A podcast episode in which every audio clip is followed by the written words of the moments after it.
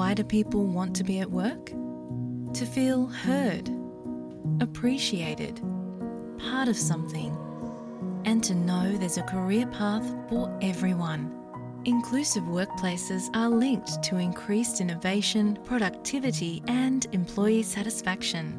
Make your organisation a place where people want to be. For inclusion and diversity training, visit inclusion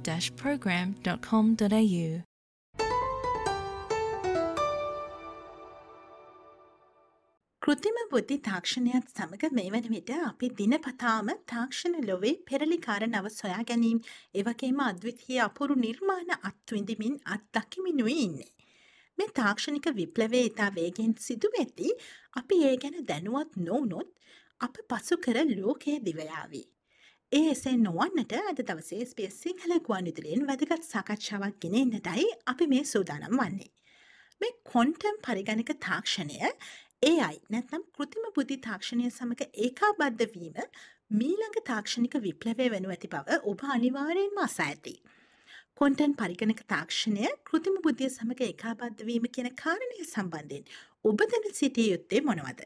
ඒ ගැන ඔබට වැදගත් තොරතුරු සාකච්ඡා කරනටයි අපි අද දවසේ මෙල්බර්න්හි සිටින කෘතිම බුද්ධිය හා සම්බන්ධ පරිගණක විශේෂඥවරයක් වන ආචාර්ය රුවන්ගේ ප්‍රනාාද සම්බන්ධ කරගන්නේ. අයිබෝන් කෙල පිළිගන්නවා රුවන්ගේ ඔබව අයිබෝන් ඇතිනී ඔවරුවන්ගේ ම මුලින් ඔබෙන් දැනගන්නට කැමති මේ කොන්ටම් පරිගණක තාක්ෂණය කෘතිම බුද්ධි තාක්ෂණය සමඟ ඒකාබද්ධ වීම කියන්නේ මොකක්ද. ඔව්.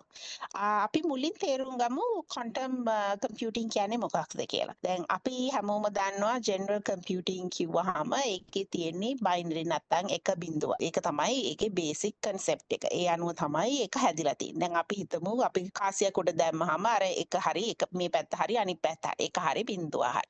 දැන් ක්වොන්ටම් කම්පියුටිං කිව්වහම ඔයා කාසිය උඩ දැම්මහම ඒ වැටෙන අතරතුර ඒ කාසිය දෙපැත්තම පෙරලි පෙරලි වැටෙනකොට අන්න ඒ වගේ එකන එක අවස්ථාවක එක සහ බින්දුව දෙකම පැවතීම තමයි උදාහරණයක් විදියට ගත්තු කොන්ටම් පව කැන ගැන එකවත් බින්දුවත් ගැන ඒ දෙකම එක විට තියබීමේ හැකියාව තමයි කොන්ටම් කම්පියුටිං වල තියෙන බේස් එක.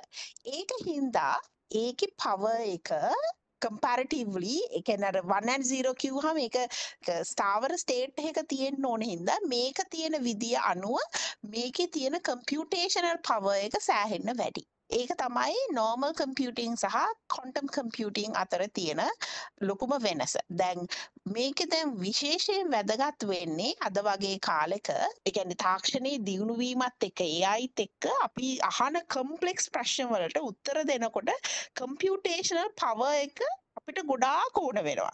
ඒ කම්පියුටේෂනල් පවර් එක දැන් මේ තියෙන තත්ත්ව උඩ ඒ අර 1 and 0 කියන ඒ normal binary computing වල උපරිමයටම අපි දැන් ඇවිල්ලා තියෙනවා. එතකොට අපිට දැන් එහා ගිය දෙයක් ඕන වෙනවා. ඒකේ තියෙන ඉතුරු දේ AI හරි අපි පාවිච්චි කරන අලුත් කම්පියුටිං ටෙක්නොලොජීස් වලට අවශ්‍ය වෙන කම්පියුටිං පවර් එක ජෙනරේට් කරගන්න. එතකොට තමයි මේ ක්වොන්ටම් කම්පියුටිං වල මේ තියෙන විශේෂත්වය වැදගත් වෙන්නේ. ඔවරුවන්ගේ නුතුරු අනාගතයේදී මේ කොන්ටම් පරිගණක තාක්ෂණය සමඟ කෘතිම බුද්ධි තාක්ෂණය එකබද්ධ වීමත් සමඟ ඇතිවන මේ උසහස් තාක්ෂණයන් භාවිතා වෙන්නේ කොයි ආකාරයකින්ද. ඕ අතිනි.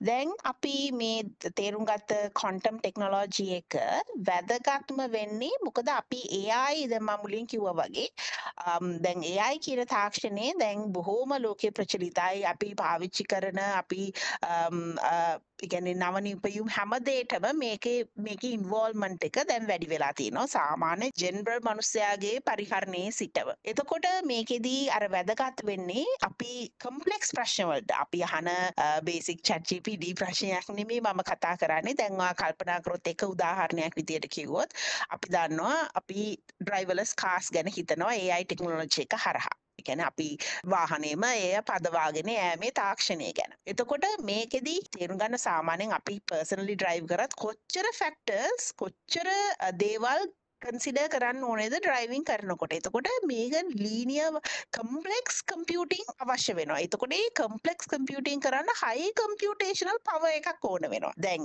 දැනටත් ඒගැන ඒ සෑහෙන්න කම්පියටේෂන් පව එකක් තියෙනවා වනන් සීරෝ ඇතුළත්. බට් එතනින් එහාට ගියෝ එහාට ගිය පව එක පාවිච්චි කරාම අපේ තියෙන ඒ අයි වලින් දැම්පුද තාක්ෂණය විදිර ඒ අයි දැන් සෑහෙන ඉස්සරහට ගිහිලා තියෙන්නේ. ඒ වුණාට අපිට තව ඒ උපරිමේ පාවිච්චි කරන්න නම් ඒ අය වල තියෙන උපරිමේ පාවිච්චි කරන්න අපේ කොන්ටම් ටෙක්නොලොජීගෙන් දෙන පවයගෙන් ලොකූ දුරක් අපිට ලොකූ දේවල් කරගන්න පුළුවන්. එතකොට අපි more accurate self driving cars පාවිච්චි කරන්න පුළුවන්. තව උදාහරණයක් ඉදිරියට ගත්තොත් අපි ඔප්ටිමයිසේෂන් ගැන කතා කරනවා හැමතිස්සෙම ඕනම ෆීල්ඩ් එක.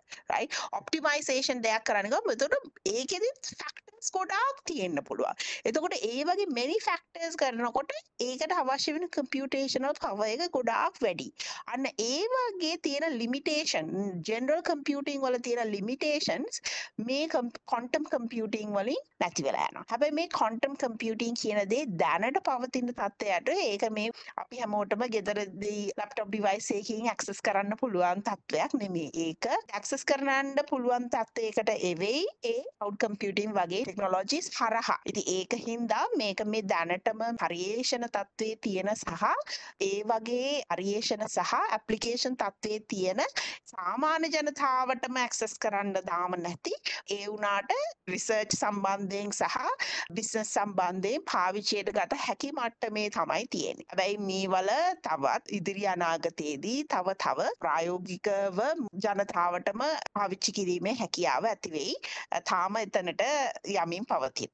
ඔවුරුවන්ගේ අවසාන වශයෙන් අපි සාකච්ඡා කරමු මේ කොන්ටම් පරිගණක තාක්ෂණය කෘතිම බුද්ධි තාක්ෂණයත් සමඟ ඒකාබද්ධ වීම කියන මේ තාක්ෂණික විප්ලවයත් එක්ක අනාගතයේදී රැකියා වෙළඳ පොලේ එහෙම නැත්නම් අධ්‍යාපන ක්ෂේත්‍රයේ ඇතිවිය හැකි නව ප්‍රවණතා මොනවද? ඔව් දැන් අර කිව්වා වගේ මේකෙදි කොන්ටම් කියන පැත්තේන විශේෂත්වය තමයි කම්පියුටරේෂනල් පවර් එක වැඩිවීම. ඒක නිසා එතකොට යූසේජ් එක පැත්තෙන් ගත්තොත් දැනට තියෙන මැෂින් ලර්නින් AI ඒ පැතිවල තියෙන ඇප්ලිකේෂන් එක නැත ඒ පැති හදාරවීමෙන් සහ ඒ පැත පාවිච්චි කිරීමේ හැකියාව ඇති පුද්ගලයන්ගේ උමනාව වැඩි වෙනවා ඒක තමයි ඩෙෆිනිටලි මොකද දැන් මේක පව එකනේ. එතකොට අපි ඒක පාවිච්චි කරන හැටි තමයි ඉගෙන ගන්න ඕනේ. පව එක ජෙනරේට් කරන එකට සීමිත රැකියා ප්‍රමාණයක් tie රිසර්චර්ස්ලා විදියට ඒ පැත්තේ ස්පෙෂලිස්ට්ලා විදියට. බට් සාපේක්ෂව හැමෝටම බලපාන දේ තමයි අපි කොහොමද AI පාවිච්චි කරන්නේ අපේ එදිනෙතා වෘත්තීය කටයුතු සඳහා සාමාන්‍ය ජීවිතේ කටයුතු සඳහා අධ්‍යාපන කටයුතු සඳහා අන්න ඒකට තියෙන නැඹුරුව. ඒ කියන්නේ අපි මේකෙන් තවත් පැහැදිලි වෙන්නේ දැන් මේ AI කියන එක ඒක අයි ඒක පස්සට යන දෙයක් නෙමෙයි තව තවත් ඉස්සරහට යන දෙයක්. ඒ හින්දා ඒ සම්බන්ධව තියෙන අධ්‍යාපන කටයුතු, රැකියා කටයුතු තමයි වර්ධනය වෙන්නේ. එහෙම නැතුව විශේෂයෙන්ම ක්වොන්ටම් කියන එකෙන් ඒ සඳහා කොට්ටාශයක රැකියා පැවතිනවා. ඒව බොහොම මේ ටෙක්නිකල් පැත්තෙන් බර රැකියා වෙන්න පුළුවන්. බට් හැමෝටම AI කියන එක නැතුව බැරි සහ ඒක ඩප්ට් වෙච්ච රැකියාවල් තමයි ටෙක්නොලොජි ඇඩප්ට් රැකියාවල් තමයි බලාපොරොත්තු වෙන්න පුළුවන්. ඒ හින්දා ඒ හා සම්බන්ධව තියෙන දැනුම වැඩි කර ගැනීම සහ ඒ පිළිබඳ අවධානය යොමු කිරීම බොහොම වැදගත් වෙනවා. ඔව්. කොන්ටම් පරිගණක තාක්ෂණය කෘතිම බුද්ධිය සමග ඒකාබද්ධ වීම කියන කාරණය සම්බන්ධයෙන් ඔබට වැදගත් ඔබ දැන සිටිය යුතු කරුණු කාරණා තමයි අපි අද දවසේ මේ SBS සිංහල ගුවන් ඉදිරි සාකච්ඡාවෙන් ඔබ වෙත ගෙනාවේ. ඉතින් මේ තොරතුරු සාකච්ඡා කරන්නට අද දවසේ අප සමග සම්බන්ධ වුණේ මෙල්බර්න් හි සිටින කෘතිම බුද්ධිය හා සම්බන්ධ පරිගණක විශේෂඥවරයක් වන ආචාර්ය රුවන්ගේ ප්‍රනාන්දු. ඉතින් රුවන්ගේ ඔබට බෙහෙවින්ම ස්තුතිවන්ත වනවා අප සමග අද දවසේ සම්බන්ධ වීම ගැන. Thank you අත්තිනි අවස්ථාව ලබා දුන්නාට.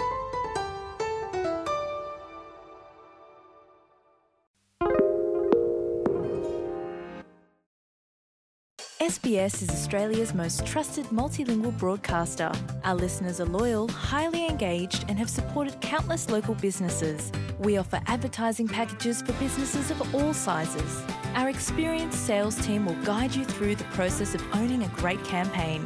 Bring your own ad or have our production team make you something in one of our 68 languages. Start the conversation with your new audience today. Email sales at sbs.com.au.